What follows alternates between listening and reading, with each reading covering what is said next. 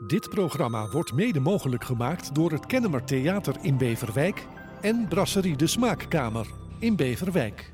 Welkom lieve mensen bij weer een nieuwe podcast van Bekijk het maar. Vandaag neem ik jullie mee naar Amsterdam. In een mooi gerenoveerde benedenwoning woont de inmiddels bijna 79-jarige van Canadese origine acteur, zanger, vocalcoach, theatermaker en docent Jimmy Hutchinson. Boeiende gesprekken met bekende en minder bekende gasten. Dit is Bekijk het maar met Maus Granaat. Jimmy, wat, eh, wat geweldig dat ik bij jou op visite mag komen. Nou, ik vind het heerlijk dat je hier bent en dat wij kunnen dan in mijn privé omgeving zo, zo lekker de interview doen. Ja. In plaats dat wij in ergens een studio zijn. Ja, precies. Ja, ik vind het heel welkom in mijn huis. Dankjewel, dankjewel. En wat leuk dat je aan deze podcast je medewerking wil verlenen. Ehm, het was 1943 toen jij het levenslicht zag in Canada. In, eh, in Ontario, bij de Ja, Niagara Falls. Ik was bij Niagara Falls geboren, in Ja. de kle- kleine stad Niagara Falls. Ehm, misschien de, de- vanwege ben ik dan waterman, dat ik Oh, bij de Falls was. Ja. Ik ben in februari geboren. En eh, ik heb niet lang daar gewoond. Eh, mijn vader en moeder waren eh, verhuisd naar een kleine stad. Dat heet Brantford, Ontario. Brantford, Ontario. Maar hoe was het voor jou om je jeugd in Canada door te brengen?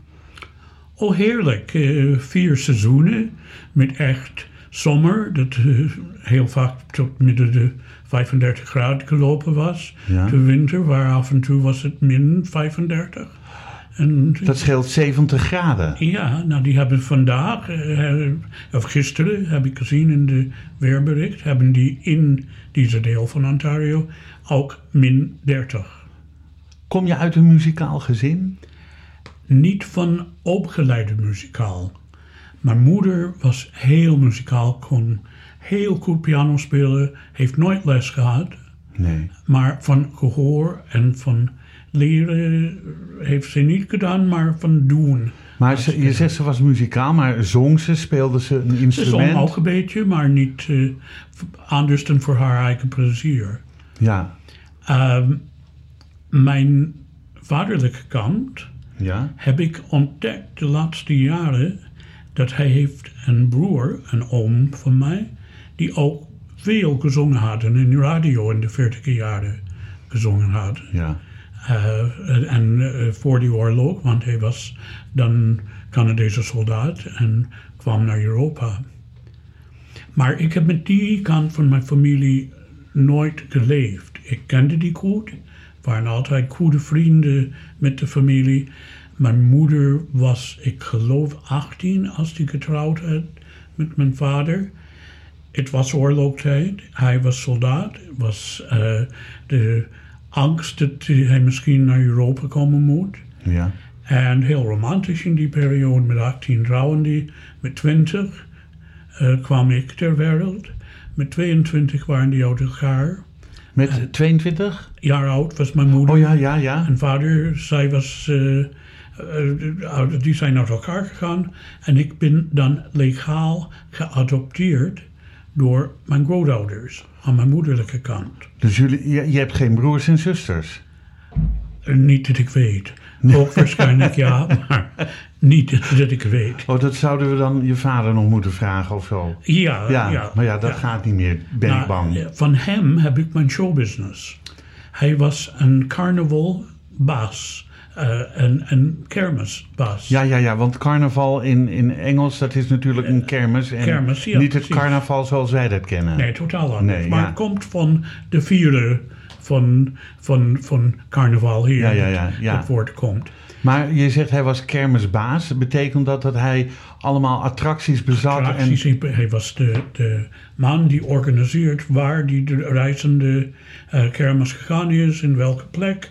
Iedere stond met zijn, zijn bode en zijn... En, oh ja, Ja, en eh, welke attracties waren dat die niet vijf keer iets met een balspeel naast elkaar hadden. Dat het was dan gespreid, dat die kunnen dan al, en ik heb voor hem gewerkt. Eh, Voor je vader? ja, een paar, een paar zomers heb ik voor hem en zijn tweede vrouw gewerkt. En Dat was, Was het leuk? het was interessant. Maar, Maar niks voor jou? En, eh, nee, nee. Nee. Nee, de, de mensen met wie je in contact komen, had ik iets over mijn operaopleiding gesproken toen, hadden die helemaal niet geweten wat ik over had. Nee. En, zo. en, en de, de collega's, Die begrepen niet. fijne, fijne mensen, begrijp me niet, Ja. eh, niet verkeerd. Maar ik, zeggen we zo, ik hoorde niet 100% in hun genre. Kijk, dat is keurig gezegd. Wanneer ontdekte jij je, je passie en liefde voor muziek en dans? Nou, als ik echt voor de school, nou, als ik in kindergarten was ongeveer, heb ik begonnen met dansles, met tapdansles. Ik heb Ja. ook een foto van mij als Robin Hood met een jaar of vier, Oké. en vijf misschien. En toen was je al aan het tappen? Ja, klein, klein stopjes, ja. Maar het, het was, ik, dat heb ik, 100% dat weet ik, dat, dat wil Ja. ik doen. Ik heb ook eh, met de buurt, met de wijkkinderen, altijd geprobeerd shows samen te bouwen. En kon nooit begrijpen waarom die dat niet, niet konden. En, en, en niet, ja, je, je moet het alleen doen, zo. Ja, ja. En, en dat kunnen die niet. Dan zeg ik, ja, wij weten niet wat je over hebt en zo. Nee. En die waren heel, heel willig te proberen, maar die, die hebben niet begrepen dat het, ja, het is zo makkelijk. Je kan, en nu ben je zo, nu moet je boos spelen. ja. En je kan het niet, ik begrijp het niet. Ehm, ik heb gelezen ergens, ik weet niet meer waar, dat je bent begonnen niet met zang en niet met dans, maar met het spelen van cello. En nou, dat, eh, ik was al dansen en zingen, maar eh, als ja, het begin van de puberteit was een jongen in mijn schoolklas die eh, zijn moeder was cellist, Ja. die les gegeven had. En dachten dat ik misschien dat ik muzikaal was. Ik heb al lang pianospeel, piano eh, les gehad. En eh, Mrs. Colbert, ik zie haar nog.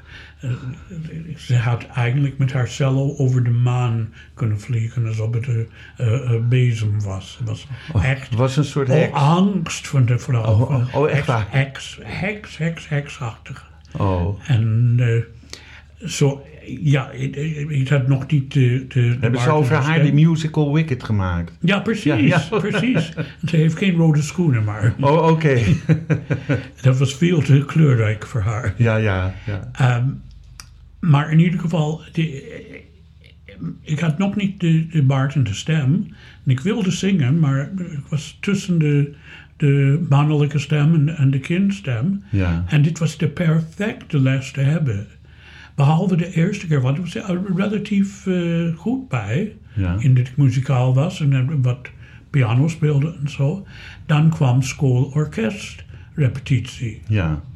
Nou, ik moet met de bus naar de schoolrepetitie gaan. Ik met mijn enorm cello, dat bijna zo groot was als ik. En bijna zo dik was als ik. En ik moet met de bus. En het had geregend. Ik zie het tot vandaag hoe dat was. De dag van vandaag. Het was vreselijk regen. En ik, kleine dikke, ik met mijn kleine dikke cello in de bus gaan. en dan, god, als ik dan de cello naad krijg, dan wordt Mrs. Colbert vreselijk boos met mij zijn. Want het was een alleen cello dat ik had. Ja. En ben ik ik zeg, nooit meer. Als ik iets speel, wordt het dan fluit. Dwarsfluit. Dat kan ik het in de- niet, niet in de bus beangst hebben dat het in de tas zit. Nee, maar je had ook ergens geschreven van... eh, mijn stem meenemen is makkelijker dan mijn cello. Is precies dat. Ja, ja, ja, zo. ja. Ehm, eh, je was 15 jaar toen je zang en eh, danste op toneel. Maar je hebt daarnaast ook nog een enorm komisch talent. Van wie heb je dat komische talent? Dat heb ik van mijn moeder. Ja, was ik, was ja, grappig? Ja, heel erg grappig. Heel snel wittig en witsig. Ja? Een antwoord voor alles. Ehm, Ad rem was ze. ja, dit, eh, dit was in de periode van I Love Lucy. En Lucille iedereen- Ball. Ja, Ja. en iedereen zegt... Marge, dat was mijn moeder, die ik Marge genoemd heb, Ja. eh, met voornamen, want legaal was zij mijn zuster. Ik ben van haar ouders geadopteerd worden. Oh ja, ja, ja. Oh, oh, legaal was je zus. Ja, je moeder was je En zus. als je het dan uitrekent, ben ik mijn eigen oom. Ja. Kan je nog verder gaan daarin? heb, je nog eh, kinderen of kleinkinderen dan inmiddels ook? Nee, Nee, nee, dat, dat- nee. nee, ik weet ook niet hoe dat verder moet dan. Maar, Ehm, Oké. Eh, in 67 besluit je om naar de McGill University in Montreal, Quebec te gaan. Ja, En, ehm, maar ja, zo'n opleiding die is best een hoop geld. En, en ik weet, want je bent ooit een keer in mijn radioprogramma geweest. Toen heb je een verhaal verteld over iemand die jou geholpen heeft, financieel geholpen heeft om de opleiding te doen. ja dat was Waarbij een je altijd. opleiding. Oh, dat was een latere. Ja, Oh, je moet niet vergeten dat tussen voor ik dan naar die universiteit gegaan ben, was ik eh, met 18 eh, naar die pedagogische hogeschool. Ja. En ik was schoolleraar voor vier jaren. Twee jaar de vijfde klas en twee jaar zevende en acht muziek en drama specialist. ja. Dat was dan tot 67. En in 67 heb ik besloten mijn kwalificaties als muziekleraar in de scholen dan te verbeteren. En ben ik terug naar de universiteit gegaan om de, de diploma te hebben dat ik kon dat. Nou, ja. ik heb door zomercursussen als muziekleraar met de Department of Education Music Summer School heb ik heel, heel veel credits gehad voor deze opleiding voor schoolmuziek en de universiteit. Ja. Goed, je had moeten iets zingen. Ik heb dan iets, want ik heb heel veel gezongen toen kerk. ja, in kerkkoor heb je gezongen en daar verdiende je ook je brood mee. En, Ja. en eh, bruiloften. Ik was eh, de wedding singer voor heel veel jaren. En je gaf concerten. En concerten en Ja. recitals en zo, ja. Ja. En daardoor hebben die gezegd, ja, schoolmuziek, als je de diploma hier hebt voor de normaal gewoon performance Ja. diploma, heb je dan ook een diploma voor, voor als je de schoolmuziek, want alle de schoolmuziek die cursussen had je al gedaan in de zomercursus. Ja. Hey, dat was echt hemel voor mijn oren. Ik wilde sowieso altijd optreden. Dan ben ik in de performance course gegaan. Ja. En dat was in 67. Eh, Dan moet ik zeggen, ik heb ook voor University of Toronto dan eh, geprobeerd te komen. Maar die wilden me niet hebben in dat ik dan die eh, high school, de, de, de, de gymnasium eh, diploma, had ik dan één jaar eerder gestopt en naar de, de opleiding voor schoolleraar Ja. gedaan. En zo, de computers, en dit was het begin van de computers toen, Ja. eh, hebben gezegd nee, niet geaccepteerd. Nou, dat was het grootste geluk dat ik kon hebben, waar ik landde in Montreal. Aha. University. Toen. Ja. Met professor Luciano della Pergola. En professor della Pergola... Ik heb wel een pergola in mijn tuin, maar Ja, precies. Luciano Nee, della dus Pergola. Della Pergola. Ja. He was from your pergola. Oké. En hij eh, was een komische tenor die zijn al opera carrière in comprimario kleine rollen, maar specifiek in karakterrollen. Hij was ook klein, hij was ook Jood in Scala in Milaan onder protection in de Tweede Wereldoorlog. Ja. Zijn vrouw was zangeres. Zij was van ehm eh, Hang Ongar. Maar die hebben elkaar ontmoet in Roemenië. In Roemenië. Zijn vader was zangdocent aan het conservatorium in Roemenië. Hij is dan, die zijn dan na de oorlog eh, gehaald naar Canada om die operaschool in McGill een lange verhaal. Lang verhaal. Maar goed. Maar ik kwam voor de eerste keer in mijn leven van mijn kleinstad Brantford. Ja. Er was een synagoge, maar niet, niet heel, heel veel mensen in mijn kennisgroep waren vandaar. Ik was bezig met de kerk. Ja. En plotseling was ik dan in de grootstad in Montreal met professor Della Pergola, die Jood was, en zijn vrouw. En hun omgeving en in de muziekschool veel Joodse mensen. Nou, ik had in deze, dit is een, een introductie to de, wat je vraagde over de, de help voor de Ja, ja, ja, ja. ja. Eh, mijn laatste jaar van de cursus, vier jaar cursus, had ik zangles moeten geven aan een leerling die in een instrumenteel cursus gemaakt had. Die krijgde dan zangles als een deel van hun credits.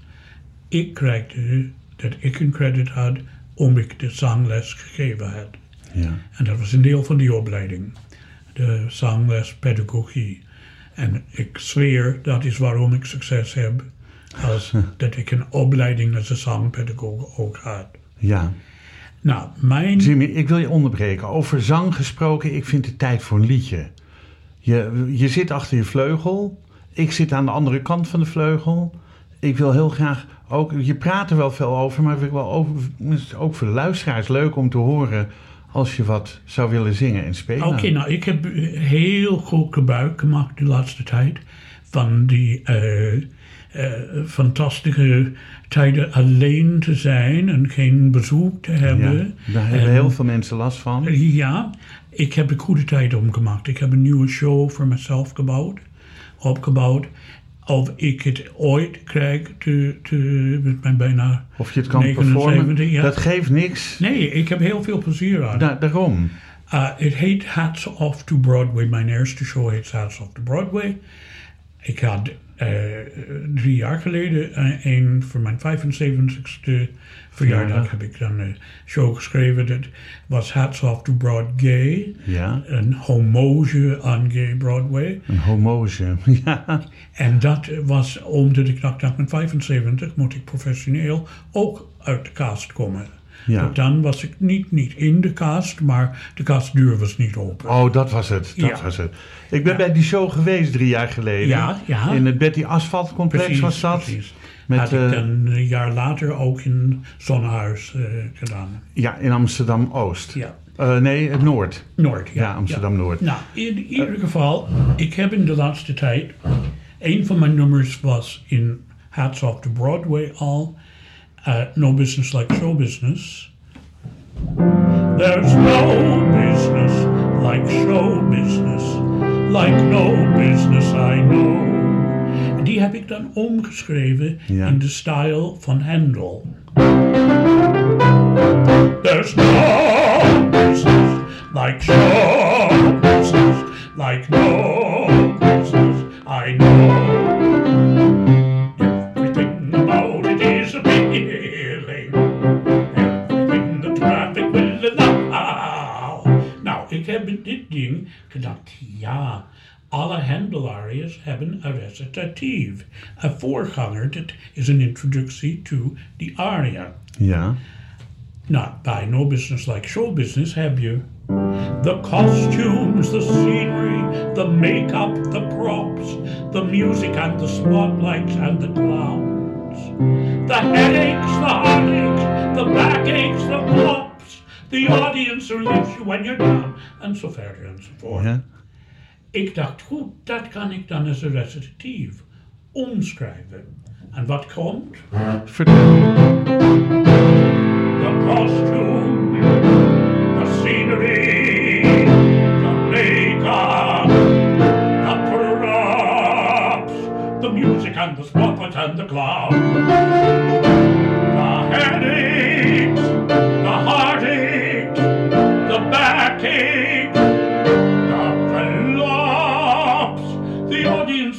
When you're down. En zo, dat was een beetje van wat ik de laatste tijd gedaan heb.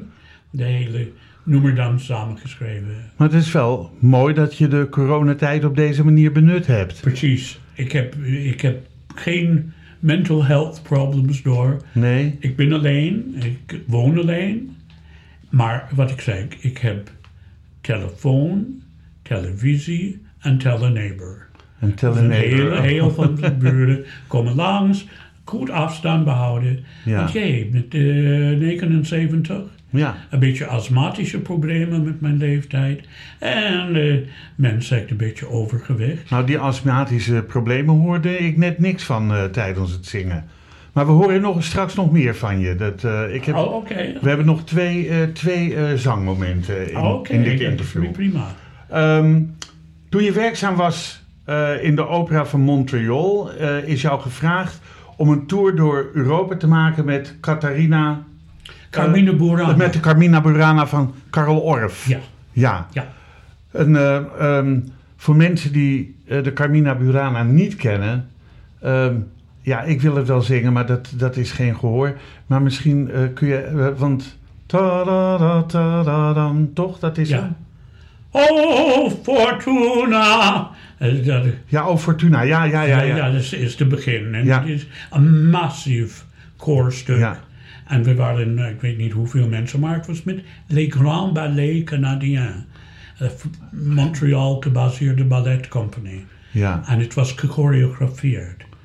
En Karl Orff heeft een, een trilogie geschreven.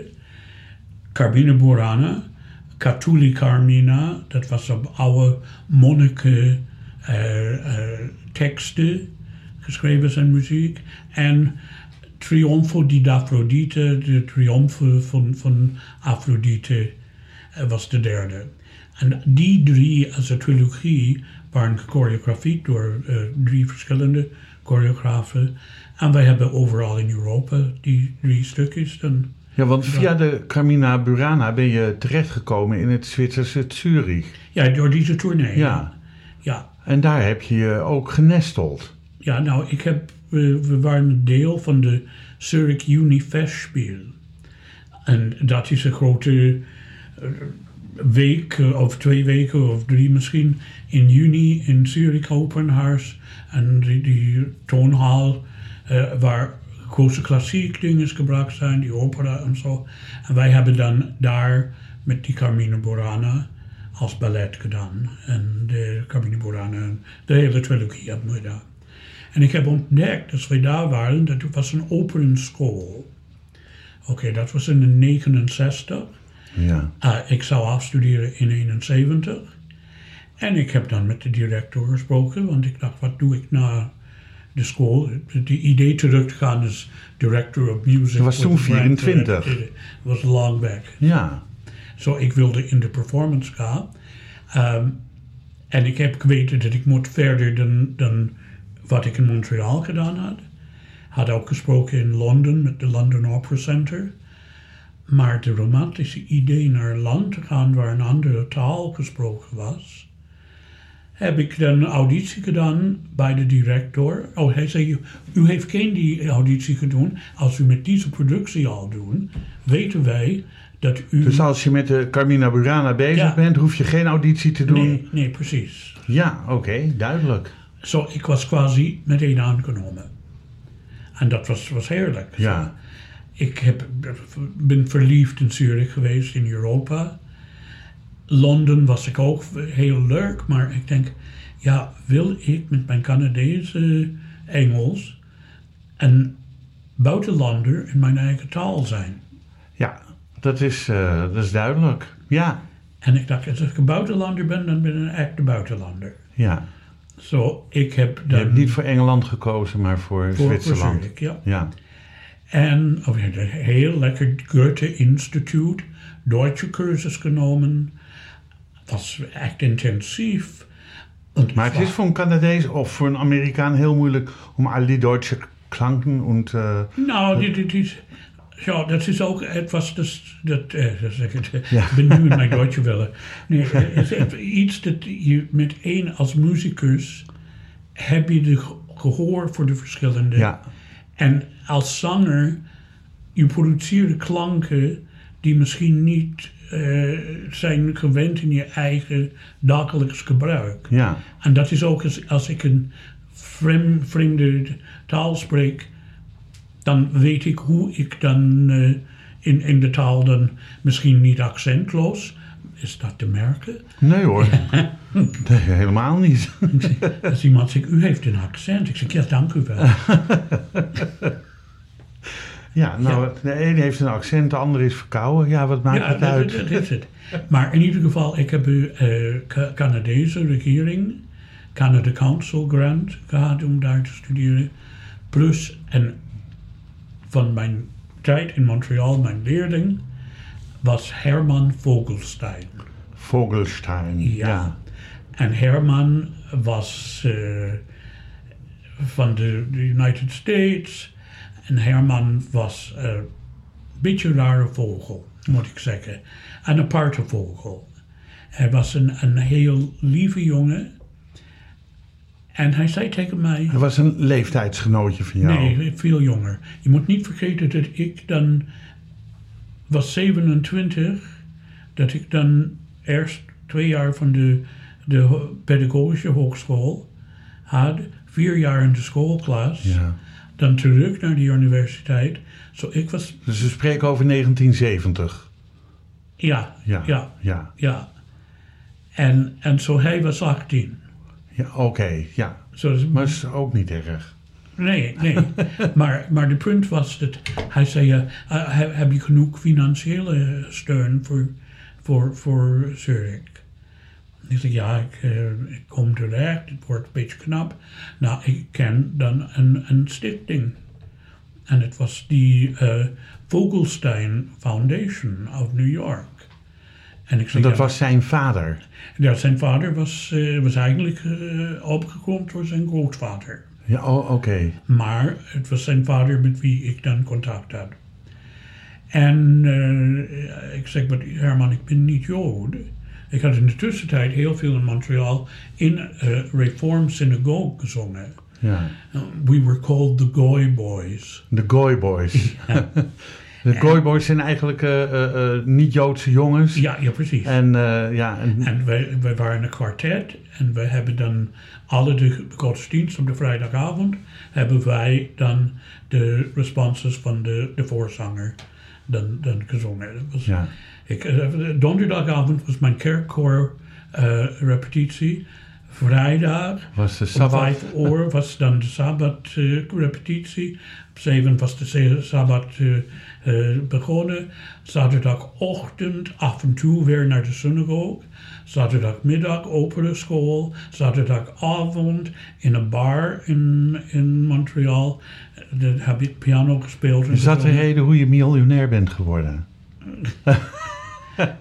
Dat is mijn geheim. Ja, dat is je geheim. Oké, Ja. prima.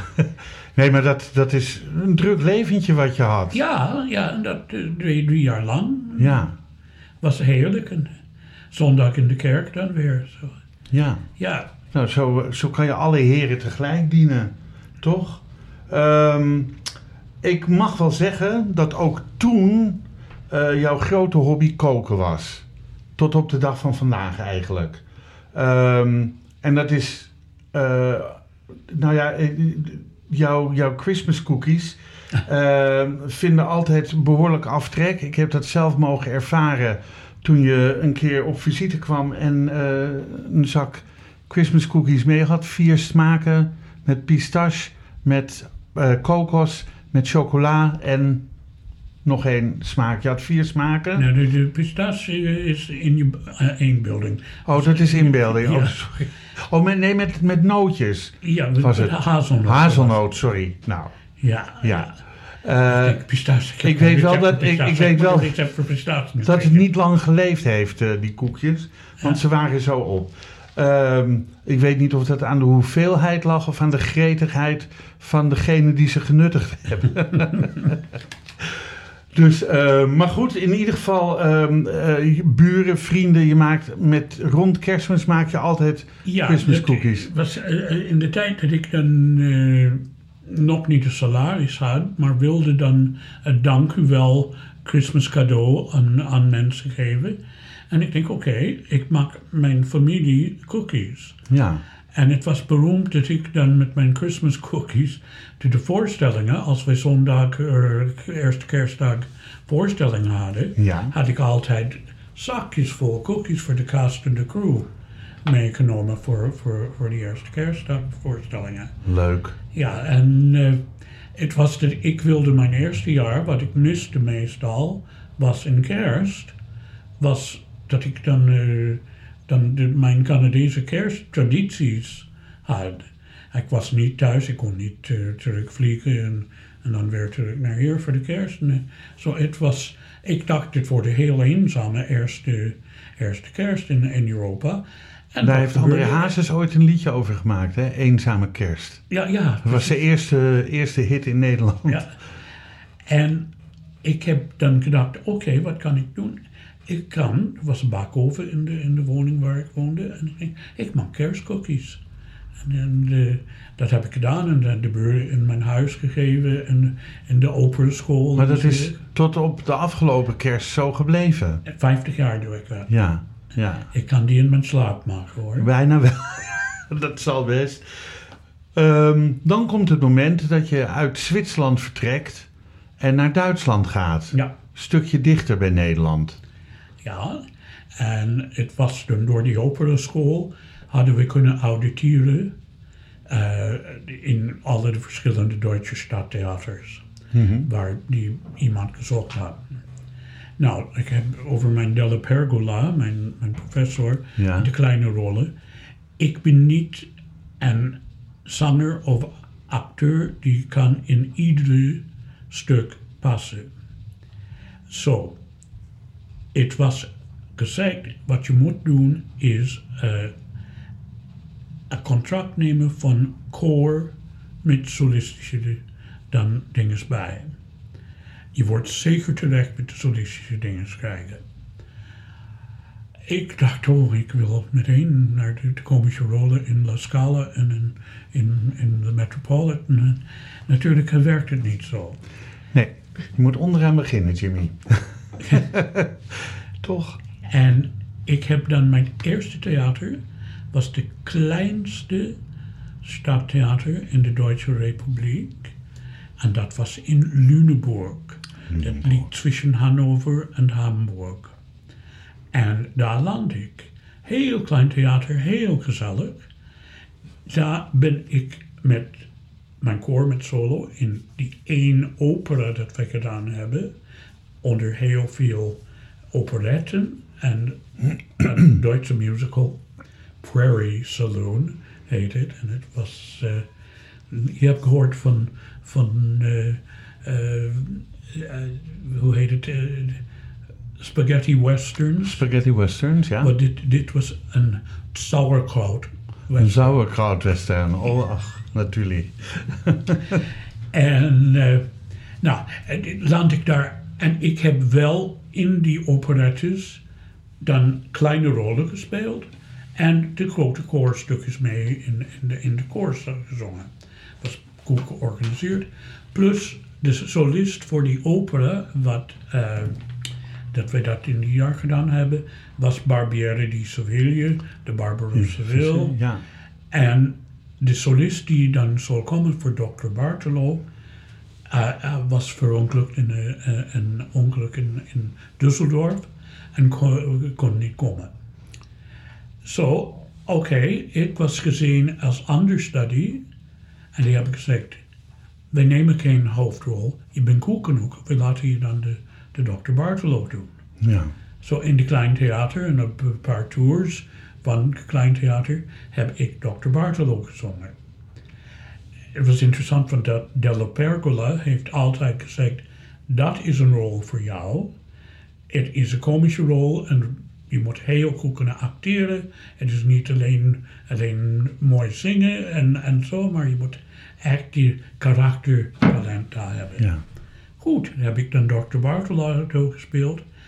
Dat was Lüneburg en de intendant, de directeur van het theater, was dan voor de volgende seizoen niet meer in Lüneburg, maar in Koblenz am Rijn. Wordt hij intendant. En hij heeft vier van zijn mensen genomen mee van de Kleintheater van Lunenburg naar de Middelgrote Theater van Koblenz am Rijn. Ja. En ik was één die, die mocht meegaan. Dat heet het, oh, ik ben een- stap verder gegaan. En ik heb geweten dat hij waardeerde mijn werk. En dat als iets solistisch was, kon ik krijgen.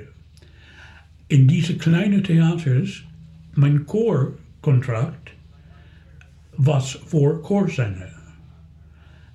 Als ik iets buiten de koorzang gedaan had, was het een extra bepaalde contract voor de rol in andere dingen. Ja. Nou, door mijn dans heb ik dan in balletavonden gedanst. Ik heb twee noodknakker. eh, eh, De gedaan? Ja? Ik heb andere balletavonden. Coppelia was ik de burgemeester. Ik heb heel veel gedanst. Ik heb kindertheater gespeeld. Hé, hey, mijn jaren als schoolleraar. Ik weet hoe je met kinderen omgaat. Het was enorm succesvol. Wat voor repertoire gebruik je als je met kinderen, als je een voorstelling voor kinderen doet? Nou, Ik in- kan in me de- voorstellen dat ze geen Hamlet of. eh, Nee, nee, maar je hebt, net als in Engeland, je hebt de pantomime. In Duitsland heb je die eh, jaarlijkse kerstsprookje, Weihnachtsmärchen. Weihnachtsmärchen, oké. En dat waren dan waar, waar de gedramatiseerde, beroemde Grimm en, en verschillende. Ja, ja. Het Zwerk heb En daar is muziek op gemaakt? Of Oh zo? ja, ja. En, en, en choreografie en eh, een hele kleine musical. En Maar leuk was- om dat met kinderen te doen. Oh ja, natuurlijk. Ja. Daarom heb ik dan al die jaren hier met Opus One kinderfamilievoorstellingen. Dat was niet voor mij nieuw om, om, om voor de kinderen te spelen. Nee. En dat zo, ja, daar heb ik dan in, in Koblenz en, en later in Aachen eh, heb ik ook dan de, de kindervoorstellingen gedaan. Leuk. Plus operakoor, plus kleinere rollen bij die opera's. En understudy voor grotere rollen. Na elf jaar Zwitserland en Duitsland kom je naar Nederland. En dan ga je niet naar Amsterdam, maar naar het all over the place bekende Enschede. Fantastisch. Oh, echt waar? Ik was intussen in Aachen, in het Ja. Stadtheater Aachen voor zeven jaar. kwam een nieuwe intendant en ik vertelde van alle de, de verschillende dingen die ik gespeeld heb. Zei de nieuwe intendant in zijn beste Duitse manier: Sie sind ein ausländischer Chorsänger. U bent een, een Buitenlandse- vreemdeling die, die in, in een contract heeft voor koor. Ja. En je krijgt niets anders als koor bij mij.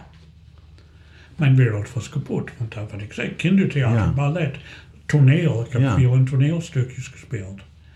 In deze repertoire theaters.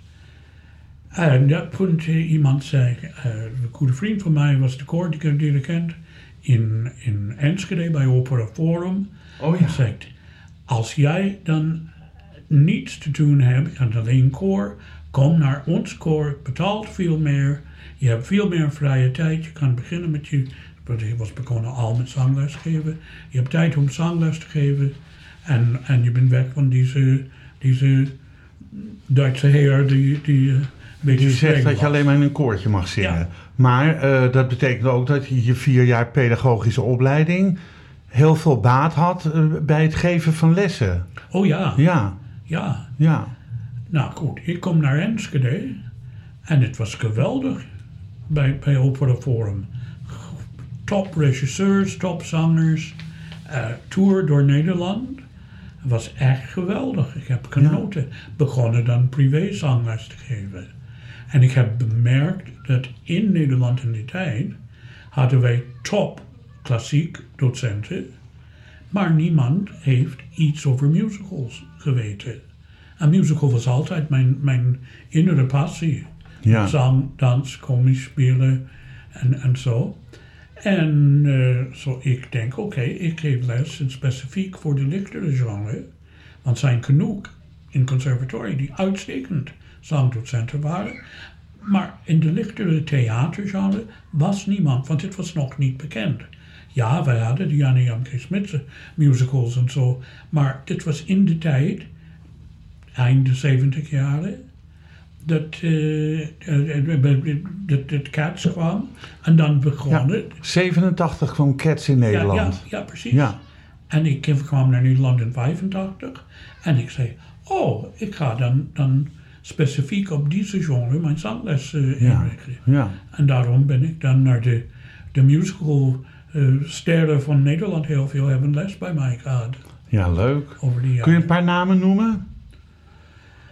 Die, Ja, eh, René van Kooten, Chantal Jans. eh, ik kan een lijst maken. ja. En van, van beroemde Nederlanders, de BN'ers, eh, had ik Joop Braakhekke, had ik Anthony Kamerling. Kon Joop Braakhekken zingen? Ook Hij Joop- speelde wel piano, weet Maar ik. hij heeft ook een geweldige, geweldig karakterstem. Ja, En hij was muzikaal van jazz.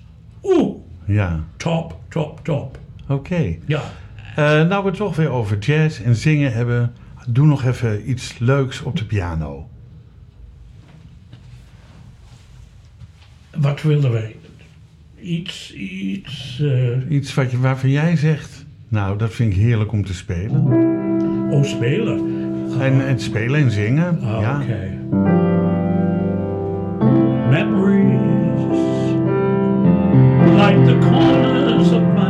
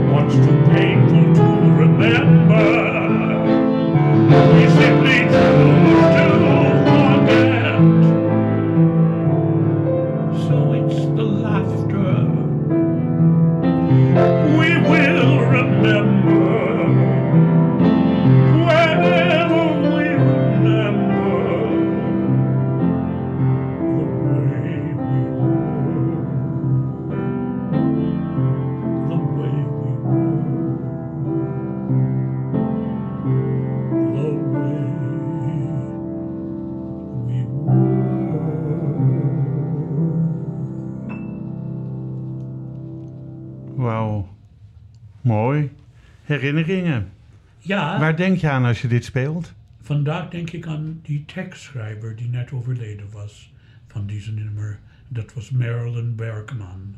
Oké. En zij en haar man hebben heel veel mooie teksten. Veel voor Barbara Streisand geschreven. Ja, dit heeft Barbara Ja, ook gezongen. Ja. En zij is met 94 deze week overleden. Ah, ah. En ik denk, als je zegt, iets dat je denkt, dat is mooi. Ja. Nou, denk vast na over een afsluitend nummer voor straks. Ehm, even kijken, hoe ver zitten we in de tijd? Oh, we kunnen nog eventjes. Ehm, in 93 deed je auditie voor de musical Sweeney Todd van Sondheim. Eh, daarin speelde je de Turpin, rechter Judge, Turpin, ja, ja, de- Judge Turpin. Ja. Ehm, was met eh, eh, Ernst Daniel Smit, Simone Simone Kleinsma. Ja, is dat al zo lang geleden? Ja, Bijna 30 jaar. ja 30 jaar. Ehm, eigenlijk ben je tot op de dag van vandaag werkzaam geweest als, als zanger, acteur en vocal coach. Ook in de Nederlandse musical heb je heel veel mensen gecoacht. Ehm, en ook vocal coach geweest bij, eh, hoe heet dat programma, SBS 6. Eh, een soort De The Voice. was- ja, nee, het was, de eerste was Sterrenjacht. Oh ja, Sterrenjacht. Eh, en dat was eh, 18 jaar geleden. En ja, Time flies when you're having fun. precies. Ja. precies. Zo sterrenjacht en dan eh, kwam So You Want To Be A Popstar. Oh ja, So You Wanna Be a Popstar. en dat ja. was die eerste groep was met bekende Nederlanders. Ja, En dan de tweede twee kwam met, eh, met de nou ja. gewoon eh, kandidaten Ja. van, van zang. Ehm, uit die dingen zijn heel veel mensen dan terechtgekomen met, eh, met hun, hun carrière. Leuk. En ik ben blij dat ik eh, niet dan plotseling aangeklaagd ben voor MeToo-situaties. Nou, dat is nou weer met de Voice aan de hand. Die stoppen al hun uitzendingen. Eh, Jeroen Rietbergen aange, aangeklaagd, de man van, van Linda de Mol. Ja. En die heeft bekend. En Ali B is aangeklaagd. Ali B heeft een paar lessen bij mij ook gehad. Ali B ook? Ja, Ik, wist niet dat, dat, ik dacht dat hij alleen maar rapte. En, nee, het was eh, om te laten horen of hij kon zingen. Oh ja, Hij rapt nog steeds. ja, ja. En zingt niet. Nee, maar hij Oh, heeft, dat- hij heeft door de les. Ik denk als iemand zegt, ja, wat kan een rapper dan in, in The Voice Ja. dan doen? Hij heeft een beetje kennis van, van zijn zangles gehad. Oké, nou, En dat het is was mooi. niet een slechte stem. Nee. Het is alleen dat het, het was te laat om het op te bouwen hoe het moet zijn als zanger. Ja. Ehm, is er een compliment wat je ooit hebt gekregen, wat je altijd bijgebleven is? Ja, ik denk het kwam van Job van de Ende. En Job zei tegen mij, het maakt niet uit wat je speelt. Je bent altijd het karakter dat je speelt. En je doet altijd 110% om je Nederlands goed te brengen. Ja. En dat doe ik. En dat dan te weten dat het herkend was Ja. dat ik het deed, was voor mij... En dat is, dat is mooi, ja. Als, als mensen zien dat je je best doet en je krijgt daar eh, eh, een compliment over, is dat, is dat mooi. Ehm, je woont nu ruim 50 jaar buiten Canada. Zou je ooit terug willen voor goed naar Canada? Dan ben ik een buitenlander. Ben- ja, bijna wel. Ja, ja, ja, ja, ja. ja. Nee, ik, ik eh, heb, nou, de laatste drie, drie jaar heb ik niet eh, vakantie ge- gehad in Canada. Maar als ik daar ben, ik vind het heerlijk om mijn vroeger thuis te zijn. Maar ik merkte meer en meer dat Amsterdam is mijn thuis. Ja. Als je een nieuw talent zou mogen hebben, wat zou je dan voor talent willen hebben? Ik denk, ik heb genoeg aan wat ik al heb. Maar is er iets wat je graag zou willen wat je niet kan of niet, niet oh, doet? nou, oké, wil voetbalspeler zijn. Zou, e- echt waar? Nee. Oh, nee, dat, Oké, ik weet, ik zou een, een zijn. Nou, dat is wel mooi. Ja, dat, dat, Ja, eh, dat is... eh, dat is... eh, je verdient er niet veel mee, maar het is nee, wel, maar eh, wel een ook niet heel veel meer als zanger. Nou, eh, het is allemaal hartstikke mooi wat ik hier aan de muur zie hangen. En eh, Ja, ja, Eh, wie leerde jou een belangrijke levensles? mijn adopteerde moeder, mijn oma, Ja, van haar heb ik alle mijn... Ja, de, de, de, hoe zeg je, de, de, de meetstaven van, van mijn leven, of, of eh, goed of slecht. dat, heeft zij je dat- bijgebracht. Dat je, je, je mag niet over de grens gaan. Dat je moet leven en misschien tot de grens gaan. Maar gebruik je paspoort niet over de grens te gaan. Ja, ja, ja, ja. Oh, mooi. Ja. Ehm, is er iemand, eh, ja, je oma die zal er niet meer zijn. Hoe lang is zij, eh, is ze oud geworden? Zij was 87 en geboren in 1900 en is 87. eh, Dus ze is in 87 overleden. Ja. Denk je nog wel eens aan haar? Ja, heel veel. Ja? Ja, ja, dat was... eh, Want ze was je, ja, je ja, nou, soort... eh, ja ik, ik was niet waar ik ben, was het niet voor haar. Ehm, mijn moeder weer was heel jong. We waren heel, wat ik zeg, bijna broer en zuster. ja. En heel goed bevriend. Eh, ik had, over de jaren had ik dan eh, een, een ziemlijk sterke alcoholprobleem opgebouwd. En meer dan 40 jaar geleden ben ik eh, dan gestopt met drinken. Ja. En mijn moeder was alcoholist ook. Aha. Ehm, en het was altijd dat wij lekker op stap zijn gegaan. Ja. En dan als ik stopte, ze vond dat niet goed. Dat, eh, zo, Zij vond niet goed dat je gestopt ze- was met drinken. Nee, want eh, we, we kunnen niet meer naar je de kan niet meer samen gaan. naar de kroeg. Nee. Ja, en, en dat heeft ze later wel goedgekeurd en dat was de beste dat kon gebeuren. En hoe oud is je moeder geworden? Zij was met eh 67 overleden. En dat is... Ja, Maar was zij eerder dan haar moeder overleden? Nee, één jaar later. Of een jaar later, oké. ja. Ja. Goed. Ja, dat zijn altijd wel heftige dingen. Ehm, welke kunstvorm raakt jou het meest? Musicals, Musicals. absoluut. Ja? Ja, eh, misschien niet zoveel in de, de nieuwere musicals, maar die oude van de golden era van musicals. De musicals van, van- Sondheim en En de- de- nog eerder ook, de Rodgers en Hammerstein Rodgers en Hammerstein. en Cole Porter en, Ja. en eh, net al een cd ja, van dat, Cole dat, dat is Porter de, dat is die eh Nederlands versie met Willem Nijholt, Oké. met wie ik ook les gegeven had. Ja, ja, ja, ja. Hij is nu 86, denk ik, Willem Nijholt. Ja, ja. Ik wil terug naar Koblenz am Rijn. En je vertelde van Herman Vogelstein. En Ja. zijn vader heeft mij deze stipendium, deze beurs Ja. gegeven. En ik heb natuurlijk een, een soort reportage. Altijd aan dokter Vogelstein, die ik vermoedde was een medische arts. En dokter Vogelstein, eh, ja, ik ben nu in Lunenburg en begonnen met mijn carrière. En dank u voor de, de beurs en zo. En nu ben ik hier en her en dank u wel. Dan land ik in de Koblenz en ik schrijf dokter Vogelstein. Ik ben nu in Koblenz am Rijn in het Stadtheater en krijg ik terug hoe fantastisch de Circle of Life was. Omdat? Want Dr. Vogelstein was de laatste rabbi in, in Duitsland, in, in Koblenz am Rijn. De laatste rabbijn. Ja, Ja. Dat is een Joodse geestelijke. ja. Oh, En hij was de laatste. En ik dacht altijd een medicus, medische dokter was. Ja, Maar hij maar hij was, gewoon rabbijn daar in Koblenz. Ja.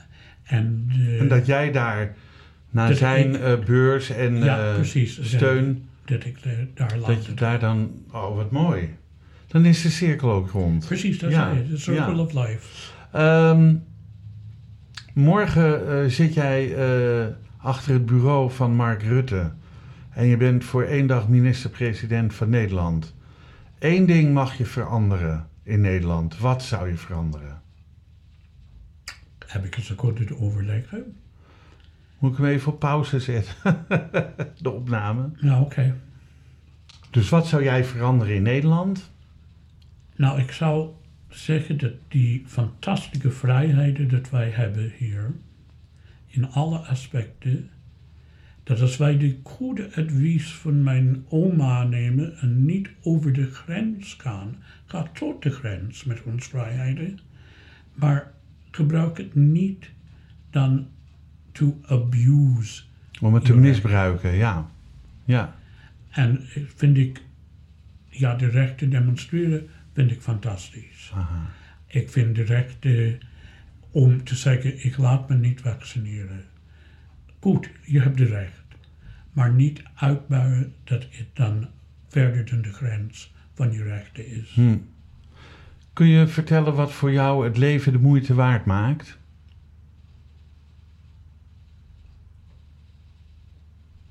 De feit dat ik misschien aan de eind, ik, het is niet dat ik depressief, dat ik dan oud ben en zo, maar dat, dat het komt een punt dat ik niet meer kan wat ik nu doe. Ja.